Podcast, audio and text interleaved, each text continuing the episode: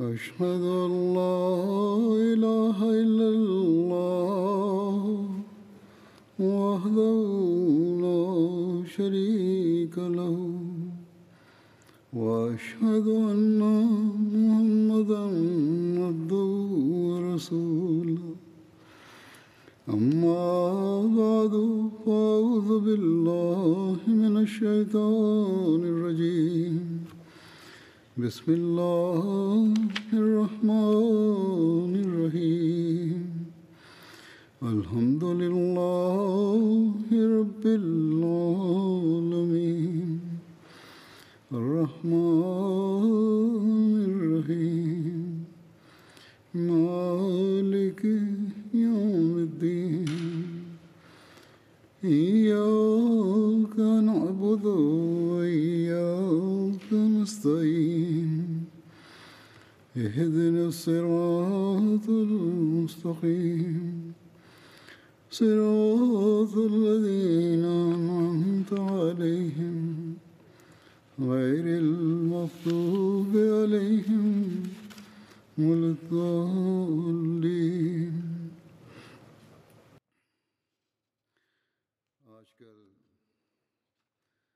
نذكر في هذه الأيام سوانح سيدنا عمر رضي الله عنه ونتحدث عن الحروب التي وقعت في عهده. وسوف أقرأ على مسامعكم مقتبسات بهذا الصدد اليوم أيضا. ومن تلك الواقعات حرب البويب التي وقعت في العام الثالث عشر من الهجرة. ويرى البعض أنها وقعت في العام السادس عشر الهجري. بعد هزيمة المسلمين في وقعة الجسر التي تحدثت عنها في الجمعة الماضية، أبلغ المثنى سيدنا عمر رضي الله عنهما ما حصل. فقال عمر للرسول: ارجع إلى أصحابك وقل لهم أن يبقى الجيش الإسلامي حيث هو ولا يتحرك من هناك، وسوف يأتي المدد قريبا. وكان سيدنا عمر رضي الله عنه قد تأذى بهزيمة المسلمين في حرب الجسر. فبعث الخطباء إلى العرب كلهم فشحنوهم جميعا بخطبهم النارية حماسا. فبدأت قبائلهم تجتمع أفواجا للخوض في هذه المعركة القومية. وكانت من بينها قبائل مسيحية أيضا إذا لم تجتمع قبائل المسلمين فقط بل القبائل المسيحية أيضا. فبعث سيدنا عمر جيشا للمسلمين إلى العراق كما أن المثنى أيضا جمع جيشا من أهل تخوم العراق. وبلغ الخبر رستم فسير مهران إلى الحيرة بجيش للقاء المسلمين. والحيرة مدينة تقع على مسافة ثلاثة أميال من الكوفة. وبالقرب منها يقع البويب أيضا وهو اسم قناة شقت من نهر الفرات. والتقى الفريقان في هذا المقام ووقعت المعركة في رمضان في هذا المكان الذي كانت الكوفة عمرت بالقرب منه. وأرسل قائد الفرس مهران إلى المثنى يقول إما أن تعبر إلينا وإما أن نعبر إليك. فقال المثنى أعبروا أنتم. في المعركة السابقة كان المسلمون عبروا النهر، أما في هذه فاتبعوا استراتيجية أخرى فقالوا للفرس: اعبروا أنتم النهر. وقام المثنى بتنظيم جيشه ووزعهم فرقا وجعل على كل فرقة منهم قائدا محنكا ثم طاف في صفوفه على فرسه الشموس الشهير واقفا عند الرايات يعطيهم التعليمات ويحرضهم على القتال وقال امل أن العرب لن يصيبهم العار بسببكم اليوم. وأقسم بالله إني أحب لنفسي ما يحبه أحد من عامتكم اليوم أي أننا كلنا سواسية. فلبى المجاهدون في سبيل الإسلام نداء قائدهم المحبوب بحماس شديد. ولملا وقد عاملهم في كل قول وفعل له بمنتهى الإنصاف دائما. وكان وقف معهم في العسر واليسر. وما كان لأحد أن يوجه إصبع الاتهام إلى أي فعل له.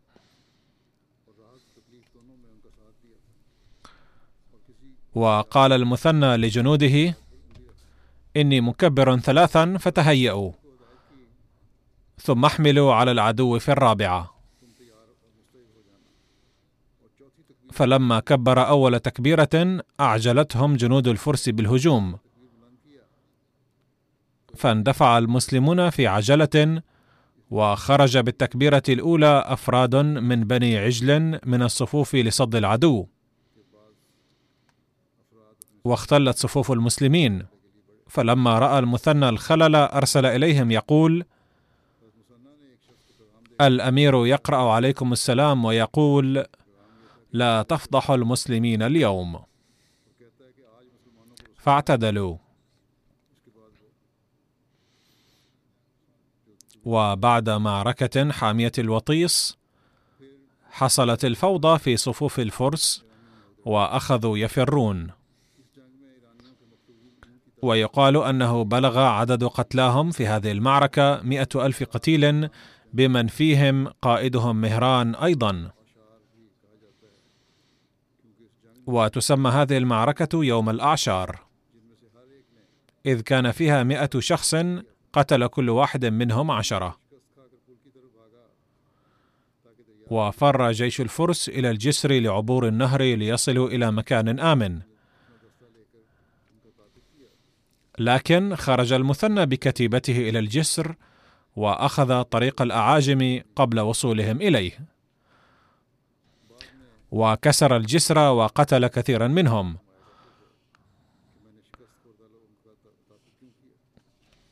وكان المثنى قد تأسف فيما بعد على قتل هؤلاء المنهزمين الفارين. وكان يقول لقد أخطأت بقتلهم وما كان يليق بي أن أقاتل الذين فقدوا القدرة على القتال ولن أعود لمثلها ابدا. ثم وعظ المسلمين وقال أيها المسلمون لا ترتكبوا هذا الخطأ ولا تفعلوا ما فعلت إذ كنت مخطئا في ذلك وما كان يجدر بي أن أقتل المنهزمين الفارين في المعركة. انظروا فهذه هي الأخلاق الإسلامية الحقيقية في الحرب. استشهد في هذه المعركة بعض كبار المسلمين منهم خالد بن هلال ومسعود بن الحارثة. وصلى المثنى على الشهداء وقال والله ان ما يخفف من همي أن هؤلاء حضروا هذه الحرب وقاتلوا وتثبتوا مستميتين. لم يبدوا قلقا ولا هلعا. ثم ان ما يقلل من غمي أيضا أن الشهادة تكفر الذنوب. ويذكر المؤرخون واقعة وقعت في هذه المعركة وهي تلقي الضوء على شجاعة المسلمات وبسالتهن. كان معسكر للمسلمات والأطفال أقيم بعيدا عن ساحة القتال في مكان يدعى قوادس.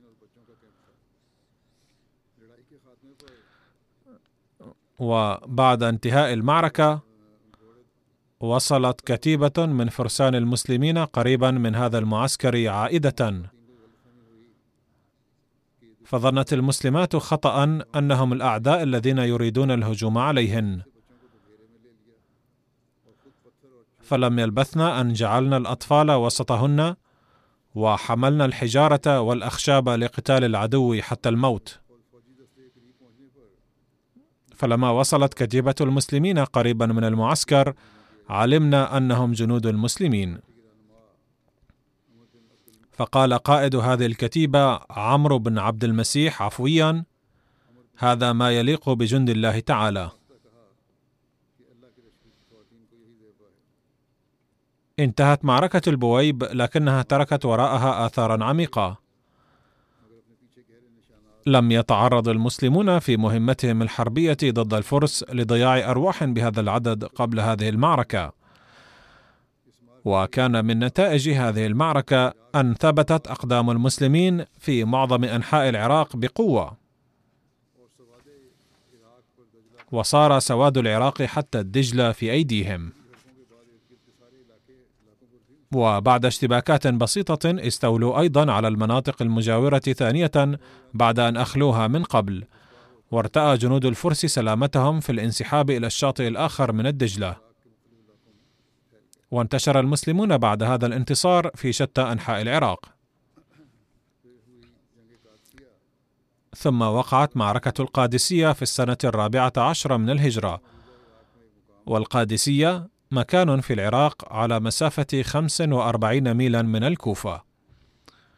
وفي القادسية وفي عهد خلافة سيدنا عمر الفاروق وفي العام الرابع عشر الهجري وقعت بين المسلمين والفرس معركة حاسمة أدت إلى سقوط الدولة الفارسية في أيدي المسلمين. فعندما علم الفرس بانتصارات المسلمين قالوا لرستم ولقائدهم الآخر فيروزان لقد كنتما مختلفين. وأضعفت خلافاتكما الفرس ورفعت من همم المسلمين. لقد تفاقم الأمر الآن ولو استمر الوضع كما هو فسوف يقضى على دولة الفرس.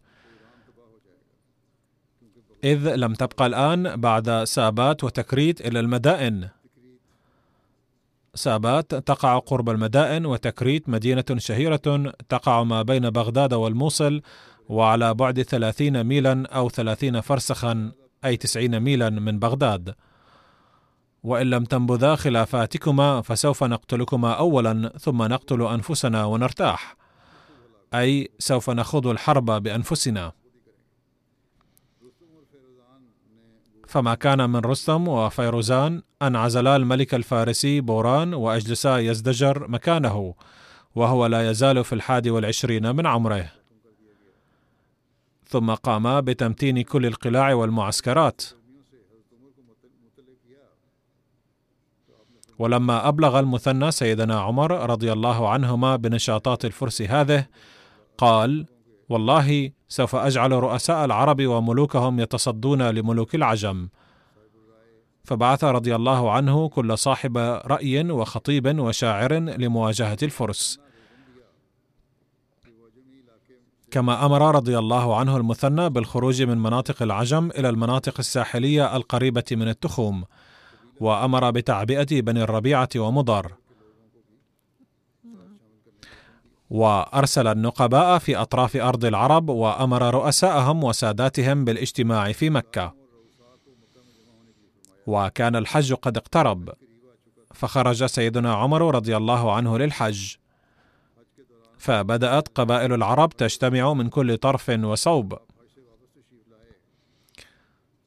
وعندما قفل عمر رضي الله عنه من الحج كان عسكر كبير قد اجتمع في المدينة. فأخذ قيادة الجيش بيده وخرج به ونزل بصرار بعد أن استخلف عليا رضي الله عنه على المدينة. وصرار ماء على بعد ثلاثة أميال من المدينة. ولم يكن عمر رضي الله عنه قد قرر بعد بخروجه مع الجيش إلى جبهة القتال. أي أن سيدنا عمر رضي الله عنه خرج بالجيش ولكنه لم يكن قد قرر بعد هل يقود الجيش بنفسه إلى ساحة القتال أم يؤمر عليه شخصا آخر. على كل حال قد ورد في تاريخ الطبري أن عمر رضي الله عنه استشار الناس. فكلهم أشار عليه بالسير بالجيش إلى فارس تحت قيادته. ولم يكن استشار احدا في ذلك حتى نزل بصرار. وكان عبد الرحمن ممن نهاه فقال عبد الرحمن ما فديت احدا بأبي وأمي بعد النبي صلى الله عليه وسلم قبل يومئذ ولا بعده. فقلت يا بأبي وأمي اجعل القرار الأخير في هذا الأمر بيدي أنا. ثم قال عبد الرحمن بن عوف لسيدنا عمر رضي الله عنهما توقف هنا في صرار وابعث جندا. فقد رأيت قضاء الله لك في جنودك قبل وبعد. فإنه إن يهزم جيشك ليس كهزيمتك وإنك إن تقتل أو تهزم في أول الأمر خشيت الا يكبر المسلمون والا يشهدوا أن لا إله إلا الله ابدا. فقام عمر رضي الله عنه باستشارة نخبة من أصحاب الرأي ثم أقام جلسة عامة وخطب فيها الناس وقال جمع الله تعالى على الإسلام وألف بين قلوبهم وجعلهم إخوانا.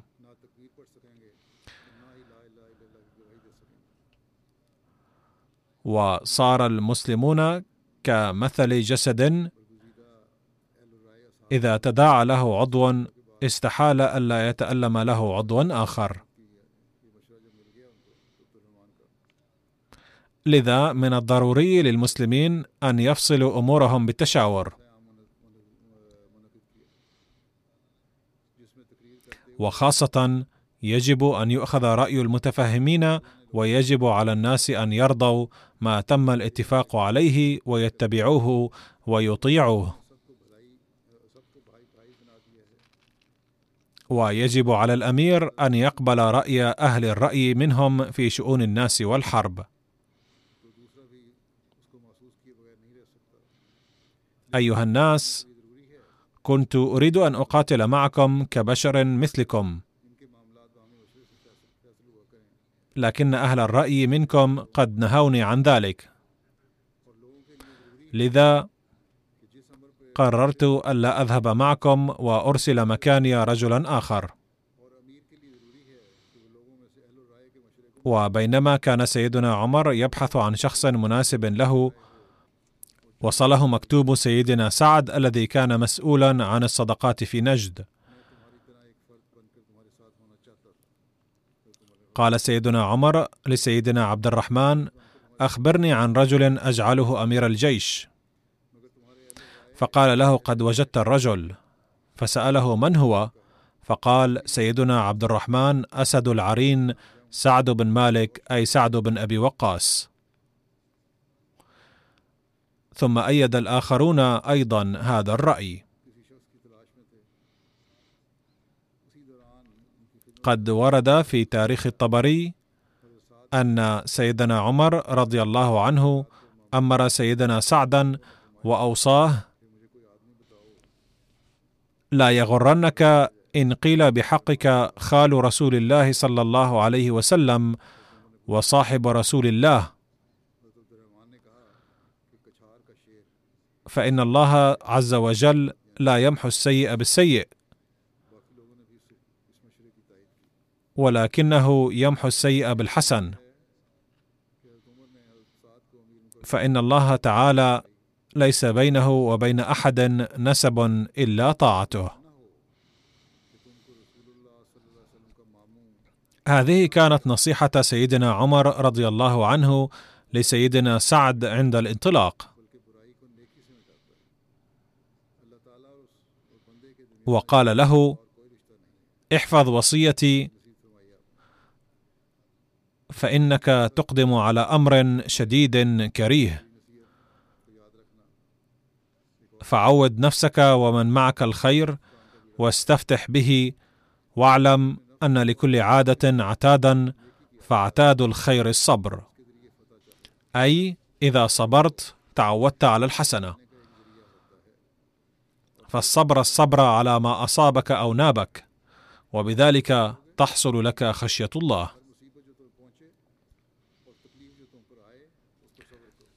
ثم قال له سر من شراف نحو فارس بمن معك من المسلمين. وشراف ينبوع الماء في نجد. فقال له من هنا اجتمع الجيش فابدأ به وتوكل على الله واستعن به على أمرك كله. واعلم أنك تقدم على قوم علاهم كثير وبأسهم شديد. وأنت تسير للقتال إلى منطقة شديدة للقتال ومحفوظة. ورائعة أيضا بسبب خصبتها وريها. فلا يخدعنكم فإنهم خدعة مكرة. وإذا انتهيت إلى القادسية فستكونون في نهاية المنطقة الجبلية وبداية المنطقة السهلية.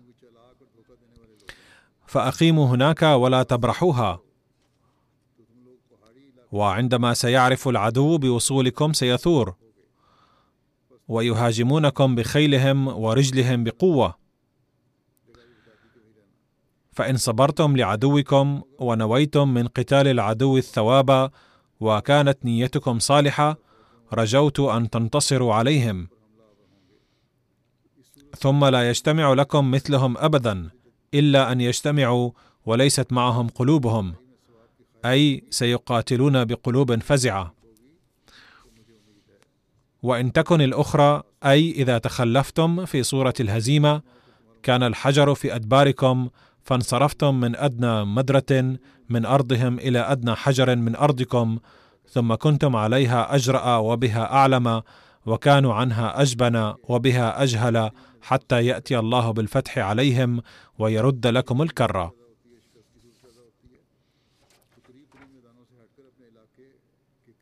فكان رضي الله عنه موقنا بأنهم سينتصرون وإذا ظهرت أوضاع أخرى فمؤقتا فالفتح حليفهم في نهاية المطاف. باختصار كان يتم تدبير الجيش بحسب الأوامر المفصلة الآتية من قبل سيدنا عمر رضي الله عنه في المدينة. فقد ورد في تاريخ الطبري أن عمر رضي الله عنه كتب إليه أيضا باليوم الذي يرتحل فيه من شراف فإذا كان يوم كذا وكذا فارتحل بالناس حتى تنزل فيما بين عذيب الهجانات وعذيب القوادس وشرق بالناس وغرب بهم. وعذيب مشرب على بعد أربعة أميال من القادسية واثنين وثلاثين ميلا من المغيسة ويتبين من مكتوب سيدنا عمر رضي الله عنه إلى سيدنا سعد بن أبي وقاص رضي الله عنه والتاريخ أنه كان هناك عذيبان. كان سيدنا عمر رضي الله عنه قد بعث سيدنا سعد بن أبي وقاص إلى فارس مع أربعة آلاف مجاهد ثم انضم إليهم ألفان من اليمن وألفان من نجد.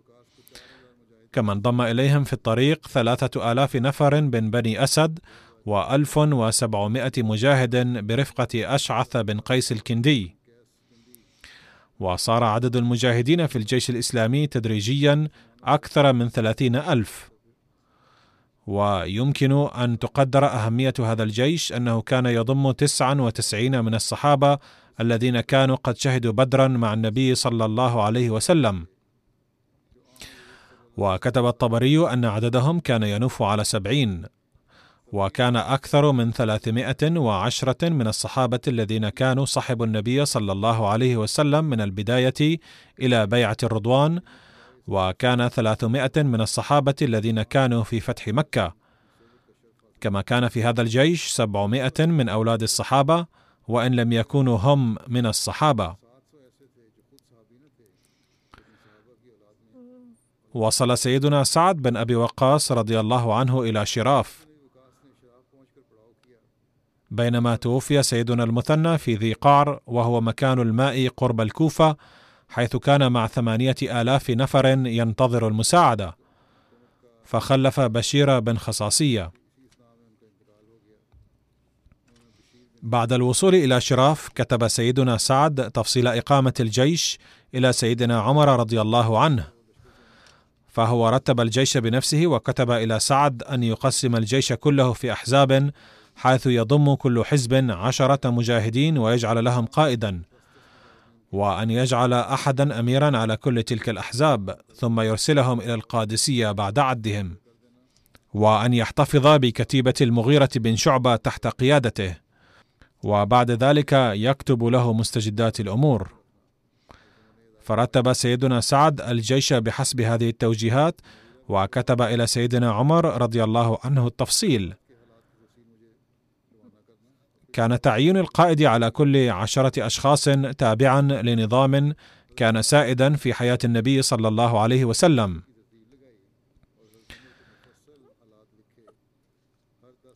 في رسالة أخرى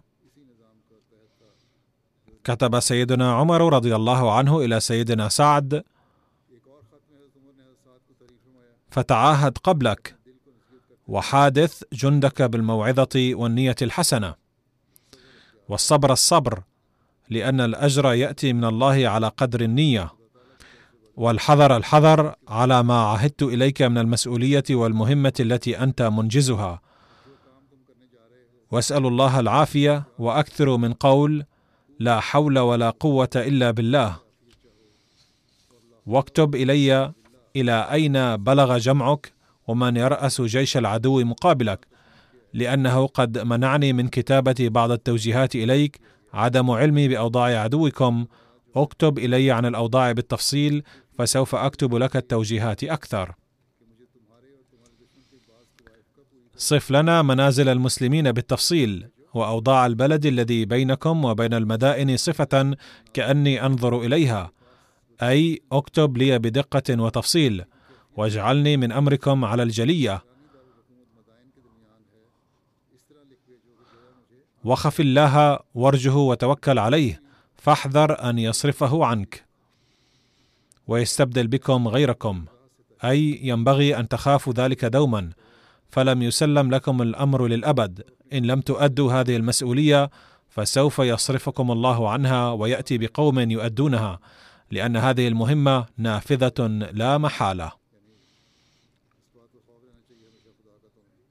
بعد الوصول إلى القادسية أخبر سيدنا سعد سيدنا عمر عن إقامة الجيش والموقع الجغرافي له بالتفصيل. فكتب إليه سيدنا عمر رضي الله عنه أن يستقر في مكانه حتى يهاجمه العدو. وإذا انهزم العدو فينبغي أن يلاحقهم حتى المدائن. هذه الأمور قد تم ذكرها ضمن ذكر سيدنا سعد لكن بيانها ضمن ذكر سيدنا عمر رضي الله عنه أيضا مهم. أقام سيدنا سعد في القادسية مدة شهر استجابة للأوامر الآتية من عاصمة الخلافة، ولم يبرز لتصديه أحد من الفرس. فكتب أهل المنطقة إلى ملك الفرس يزدجر أن العرب مقيمون في القادسية منذ فترة، ولم تفعلوا شيئا لمقاومتهم. وهم قد أبادوا المنطقة حتى الفرات ونهبوا المواشي. وإن لم تصلنا النجدة منكم فسوف نسلم لهم كل شيء. عند استلام هذه الرسالة طلب يزدجر رستم لكنه ظل يمتنع عن الحرب بعذر أو حيلة وأشار على الملك أن يعين جالينوس أمير الجيش مكانه. لكن الملك لم يقبل أيا من آرائه واضطر رستم للخروج مع الجيش. كتب سيدنا عمر رضي الله عنه إلى سيدنا سعد أن يرسل إلى رستم وجهاء القوم وعقلاءهم وبواسلهم لدعوته إلى الإسلام. إذ يجب أن لا يهاجم العدو مباشرة بل يجب أن يدعوه إلى الإسلام اولا. وقال إن الله سيجعل هذه الدعوة سبب توهينهم وسبب نجاحنا وراسلني يوميا. بعد ذلك اختار سيدنا سعد أربعة عشر رجلا مشهورا وأرسلهم إلى بلاط ملك الفارس سفراء لكي يدعوه إلى الإسلام. كان المسلمون على خيول وعليهم البرود وبأيديهم السياط. تكلم أولا النعمان بن مقرن مع الملك ثم تكلم المغيرة بن زرارة فقال للملك إما أن تكون معك الحرب أو تدفع الجزية فاختر إن شئت الجزية. وإن شئت فالسيف. وهناك أمر ثالث وهو أن تسلم فتنجي نفسك. فقال يزدجر لولا أن الرسل لا تقتل لقتلتكم جميعا. لا شيء لكم عندي فارجعوا. ثم استدعى بوقر من تراب فقال خذوه مني. ثم أمر لرجاله بأن يسوقوهم حتى يخرجوا من باب المدائن. فأخذ عاصم بن عمرو التراب وأتى به إلى سعد رضي الله عنه وقال له: أبشر فوالله لقد أعطانا الله أقاليد ملكهم. وبعد هذا الحادث سكت الطرفان لبضعة أشهر. وضرب رستم عسكره بصابات وظل يتجنب المواجهة وقال ليزدجر مرارا احفظنا وإلا سنكون تحت العرب ولكنه اضطر للخروج لما قاله الناس. وخرج جيش الفرس من صابات وعسكر في ميدان القادسية. وكان مسير رستم عن صابات في مئة وثلاثين ألف متبوع وثلاث وثلاثين فيلة. واستغرق مسيره من المدائن إلى وصوله القادسية أربعة أشهر. وبعد نزوله في القادسية فحص رستم جيش المسلمين وطلب من المسلمين أن يرجعوا وطرح الصلح. فرد عليه المسلمون إنا لم نأتكم لطلب الدنيا إنما طلبنا وهمنا الآخرة. طلب رستم من المسلمين إرسال وفد إليه من أجل المفاوضة. وكان في خيمة رستم سجادات راقية وثمينة وجميع أسباب الراحة والزينة. وضع لرستم سرير من ذهب وبسط البسط والنمارق والوسائد المنسوجة بالذهب. وأول من دخل على رستم من المسلمين هو ربعي بن عامر فأقبل يتوكأ على رمحه ويقارب خطوه. فلم يدع لهم نمرقا ولا بساطا إلا أفسده وهتكه. فلما دنا من رستم جلس على الأرض وركز رمحه على البسط. عرض ربعي على رستم ثلاثة أمور. فقال إما الإسلام وندعك وأرضك أو الجزاء فنقبل ونكف عنك أي إذا دفعتم الجزية حميناكم وإن احتجت إلينا نصرناك. أو المنابذة في اليوم الرابع ولسنا نبدأك فيما بيننا وبين اليوم الرابع إلا أن تبدأ بنا. وفي اليوم التالي بعث سعد رضي الله عنه حذيفة بن محصن الذي كرر الأمور الثلاثة نفسها التي كان ربعي قالها.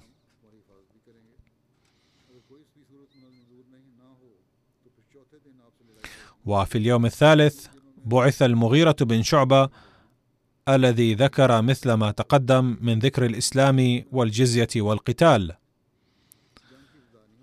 فقال رستم اذا تموتون دونها. فقال المغيرة يدخل من قتل منا الجنة ومن قتل منكم النار ويظفر من بقي منا بمن بقي منكم. فاستشاط رستم غضبا ثم حلف بالشمس ألا يرتفع الصبح غدا حتى نقتلكم أجمعين. وبعد المغيرة أيضا أرسل سعد إلى رستم بقية ذوي الرأي الذين رجعوا من عنده عشيا. وأرسل سعد إلى الناس أن يقفوا مواقفهم وأرسل إلى الفرس شأنكم والعبور. ولأن الجسر كان تحت سيطرة المسلمين لذا اضطر الفرس لبناء جسر آخر على نهر العتيق. ولما ركب رستم ليعبر قال غدا ندقهم دقا. فقال له رجل إن شاء الله. لعله من أصحاب رستم ولكنه كان يؤمن بالله. فقال رستم وإن لم يشأ. والعياذ بالله. وكان سعد قد أكمل ترتيب الصفوف وكانت قروح ظهرت على جسده أي أصيب بمرض عرق النساء. ما كان يستطيع الجلوس بسبب ذلك. فكان يظل يستلقي على صدره واضعا وسادة تحت صدره على سطح العرش أو على مكان مرتفع صنع على الشجرة. ومن هناك كان ينظر إلى الجيش. واستخلف سعد رضي الله عنه خالد عرفة على الناس.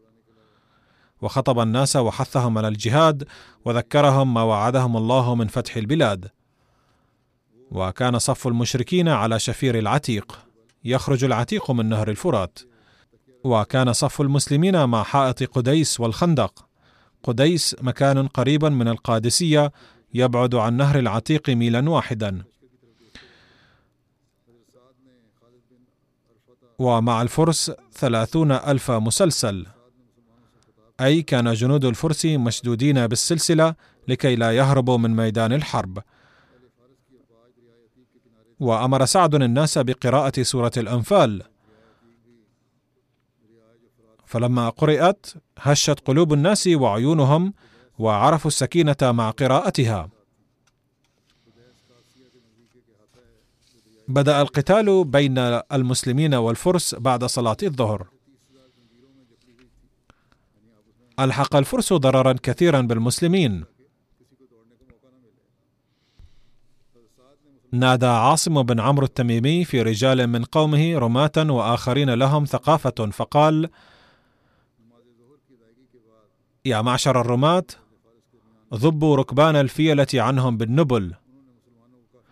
وقال يا معشر أهل الثقافة استدبروا الفيلة فاقطعوا وضنها فما بقي لهم فيل إلا أوى وقتل أصحابها واستمر القتال حتى بعد غروب الشمس واستشهد خمسمائة مسلما من بني أسد في اليوم الأول وهو يسمى يوم أرماث.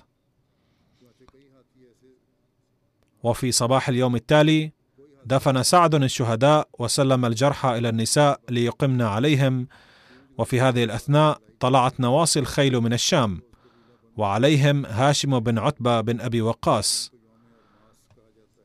وعلى مقدمته القعقاع بن عمرو التميمي. فتعجل القعقاع فقدم على الناس صبيحة يوم أغواث.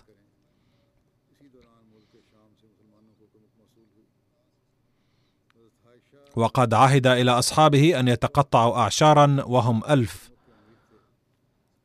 كلما بلغ عشرة كبروا الله لكي يظن العدو أن المسلمين يصلهم المدد باستمرار. فقدم قعقاع أصحابه في عشرة. فأتى الناس فسلم عليهم وبشرهم بالجنود وحرضهم على القتال وقال اصنعوا كما أصنع. وطلب البراز فخرج بهمن الجازوي للبراز فتقاتلا وقتله قعقاع. فقالوا فيه بقول أبي بكر لا يهزم جيش فيهم مثل هذا. ولم يقاتل الفرس في هذا اليوم على الفيلة لأن وابيتها كانت تكسرت بالأمس.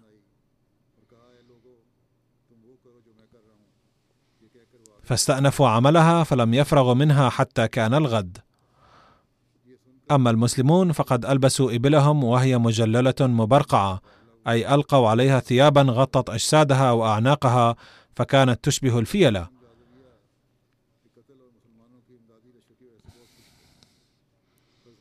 هذه الإبل حيثما كانت تذهب كانت تجعل خيل الفرس تفر منها كما كانت خيول المسلمين تفر في اليوم الأول. وقاتلت الفرسان إلى انتصاف النهار. فلما اعتدل النهار تزاحف الناس فاقتتلوا حتى انتصف الليل. ويسمى هذا اليوم يوم أغواث. هذا اليوم كان في حق المسلمين أي انتصر المسلمون فيه.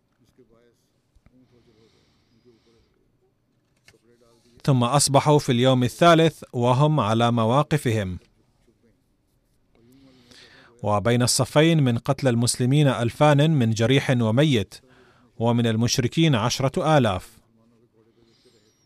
فجعل المسلمون ينقلون قتلاهم إلى المقابر والجرحى إلى النساء. وأما قتل المشركين فبين الصفين لم ينقلوا. وكان الفرس قد باتوا يعملون توابيتهم حتى أعادوها. وأقبلت الرجالة مع الفيله يحمونها أن تقطع وضنها. فلم تتمكن الفيلة من إلحاق ضرر بالمسلمين كما ألحقت في اليوم الأول. أرسل سعد رضي الله عنه إلى القعقاع وعاصم بن عمرو إكفيان الفيل الأبيض، فحمل القعقاع وعاصم فوضعا رمحيهما في عين الفيل الأبيض فنفض رأسه فطرح سائسه ودلى مشفره، فضربه القعقاع فرمى به ووقع لجنبه. وبعد ذلك طعن بعض المسلمين الآخرين في عين فيل آخر. فبقي الفيل جريحا متحيرا بين الصفين. كلما جاء صف المسلمين وخزوه وإذا أتى صف المشركين نخسوه. وفي النهاية هرب الفيل. وكان يدعى الأجرب إلى نهر العتيق وألقى نفسه فيه فاتبعته الفيلة وهلكت مع ركبانها. فاجتلدوا حتى أمسوا ويسمى يوم عماس. وبعد صلاة العشاء اشتد القتال حتى كانت أصوات السيوف كضرب حداد على الحديد. بات سعد يستيقظ طوال الليل ويدعو الله تعالى ولم يشهد العرب والعجم مثل هذه الواقعة من قبل. ولما أصبح المسلمون كان حماسهم ونشاطهم قائمين وكانوا غالبين. وفي الصباح الذي تلا تلك الليلة كانت حالة التعب سائدة على الناس جميعا لأنهم سهروا الليلة كلها. وقد سميت هذه الليلة بليلة الهرير لتركهم الكلام وإنما كانوا يهرون هريرا. وقد ورد في معاني الهرير أن المراد منه صوت خفيف يخرج من القوس عند الرمي أو صوت خفيف يخرج من الرحى. وقد ورد في الطبري أيضا في وصف ليلة الهرير أن المسلمين ظلوا خائضين في الحرب بكل شجاعة من بدء تلك الليلة إلى الصباح. وما كانوا يتكلمون بصوت عال بل كانوا يهرون هريرا فعرفت هذه الليلة بليلة الهرير. على أي حال بقيت الحرب جارية إلى الظهر في اليوم الرابع وظل الفرس يتقهقرون. حتى هوجم رستم ومضى نحو العتيق فرمى بنفسه فيه. واقتحمه مسلم اسمه هلال وأخذ برجليه ثم خرج به حتى قتله. وقال قتلت رستم ورب الكعبة. إلي إلي. فأطافوا به وكبروا. بعد مقتل رستم هرب جيش الفرس مهزوما. فلحقهم المسلمون وقتلوهم وأسروا عددا كبيرا منهم. هذا اليوم يسمى يوم القادسية. كان عمر رضي الله عنه يستخبر الركبان عن أهل القادسية من حين يصبح. فلما لقي البشير أخبره قال هزم الله العدو وعمر يخب معه ويستخبره والآخر يسير على ناقته ولا يعرفه حتى دخل المدينة. فإذا الناس يسلمون عليه بأمره المؤمنين. فقال فهلا أخبرتني رحمك الله أنك أمير المؤمنين؟ وجعل عمر يقول لا عليك يا أخي. ولما أتى عمر الفتح قام في الناس فقرأ عليهم الفتح ثم ألقى خطابا مؤثرا. وأمر أن يبقى الجيش في مكانه ولينظم من جديد ولتسوى الأمور الأخرى الجديرة بالإصلاح. وكان سعد قد طلب التعليمات من الخليفة وقال إن هناك كثيرا من الفرس الذين تصالحوا مع المسلمين قبل حرب القادسية وقد ادعى كثير منهم أن الفرس ضموهم إليهم رغما عنهم ولم يأتوا طوعا بل جاءوا مضطرين. وكان هذا الكلام للكثيرين صحيحا. إذ كان كثيرا من الناس قد تركوا تلك المنطقة بسبب الحرب وذهبوا إلى أرض العدو وكانوا عائدين من هناك. فعقد عمر رضي الله عنه في المدينة مجلس الشورى للبت في هذه الأمور. وبعد القرار أعطى تعليما أن الذين كان المسلمون عقدوا معهم عهودا وأوفى المعاهدون عهودهم وبقوا في مناطقهم ولم يذهبوا إلى العدو فلا بد من الوفاء بالعهود معهم. أما الذين لم يكن بينهم وبين المسلمين ميثاق ولكنهم بقوا في أرضهم ولم يحاربوا المسلمين في صفوف العدو فليعاملوا مثل أهل الميثاق. والذين يقولون إن الفرس ضموهم إلى الجيش غصبا عنهم ويبدو قولهم صحيحا يجب أن لا يقصر المسلمون في المعاملة الحسنة معهم. أما الذين يقولون كذبا وزورا إنهم أكرهوا على الانضمام إلى العدو بل انضموا إلى العدو طوعا ويحاربونكم بطيب خاطرهم فقد نسخ ميثاقهم لأنهم حالفوا العدو. لذا إما أن يتم الصلح معهم مجددا أو ليوصلوا إلى مأمنهم. أي يجب أن ينفوا من هناك بعد عقد الميثاق ليذهبوا حيثما يريدون. أما الذين ليس بينهم وبينكم ميثاق وحالفوا العدو تاركين أرضهم وحاربوكم فادعوهم إن شئتم ليدفعوا الجزية وعاملوهم باللين قدر الإمكان وليبقوا في أرضكم. وإن شئتم فلا تدعوهم وليبقوا في الحرب معكم كسابق عهدهم وحاربوهم أنتم أيضا. ولكن إذا امتنعوا من الحرب على الرغم من الانضمام إلى العدو فاتركوهم وشأنهم.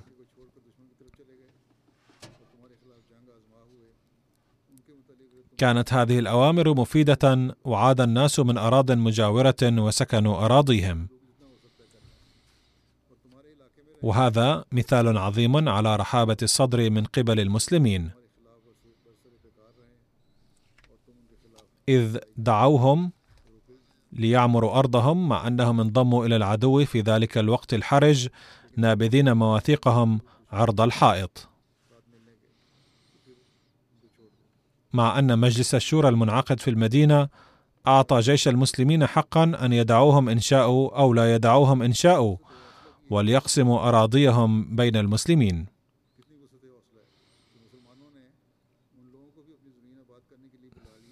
وقد قال المؤرخون أن المسلمين دعوا ناقضي الميثاق هؤلاء في ذلك الوقت الذي كان يهدد بالخطر ولكن فرضوا على أراضيهم ضريبة أكثر مقارنة مع الأراضي العادية.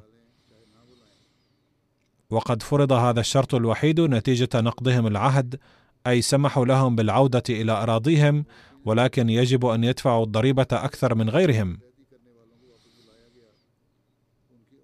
ولكنهم ملكوا الأراضي على أية حال. هذه الحرب تعد حربا حاسمة ضمن فتوحات العراق. إذ قد واجه المجاهدون المسلمون الظروف المعادية جدا بكل شجاعة وبسالة. وقال المؤرخون إنه عندما حددت رواتبهم من قبل الخليفة عد اشتراكهم في حرب القادسية عاملا مهما. أي قد حدد سيدنا عمر رضي الله عنه رواتب المشتركين في حرب القادسية أكثر من غيرهم.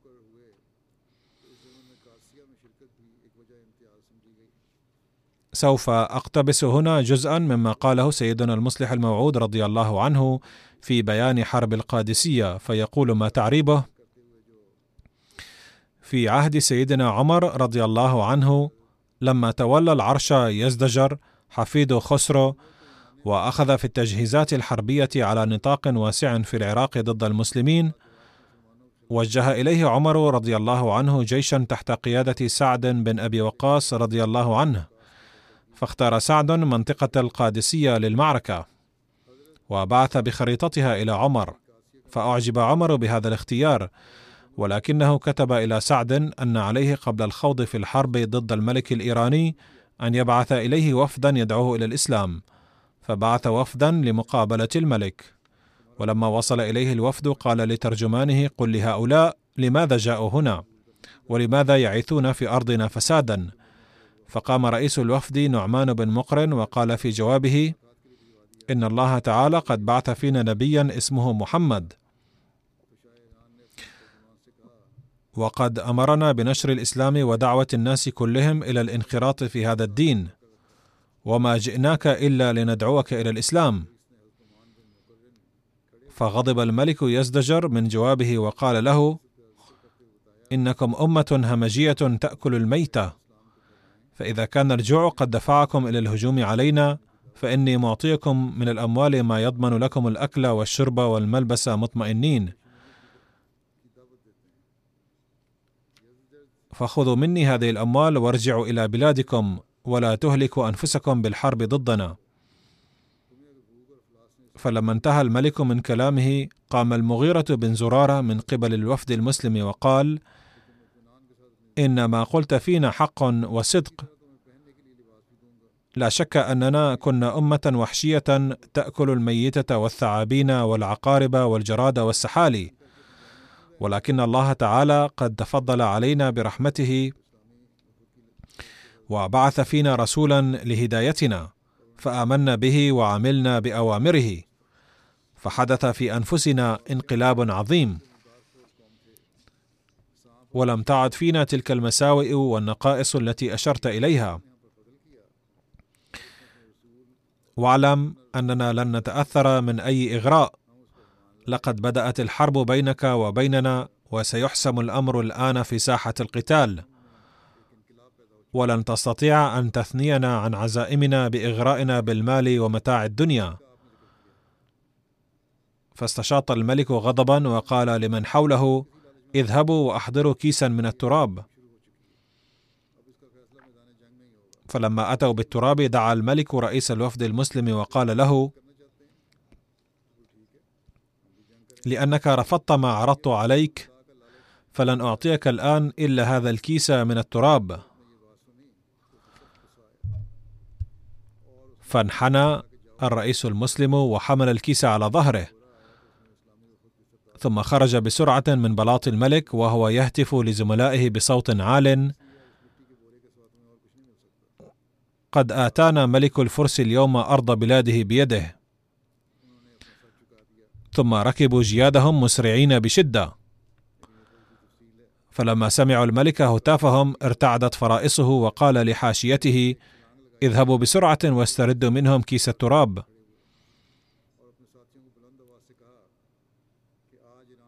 فإنه من الشؤم الكبير أن أعطيهم تراب أرضي بيدي. ولكن المسلمين كانوا قد خرجوا بعيدا على متون جيادهم. ثم في نهاية المطاف حصل ما قاله المسلمون حيث وقعت إيران كلها في قبضتهم. يضيف سيدنا المصلح الموعود رضي الله عنه ويقول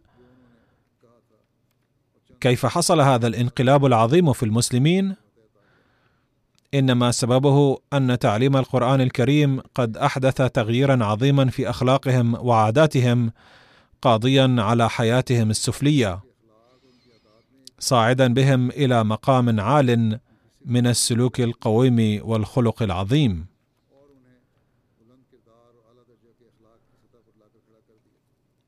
سوف يستمر هذا الذكر مستقبلا أيضا بإذن الله تعالى.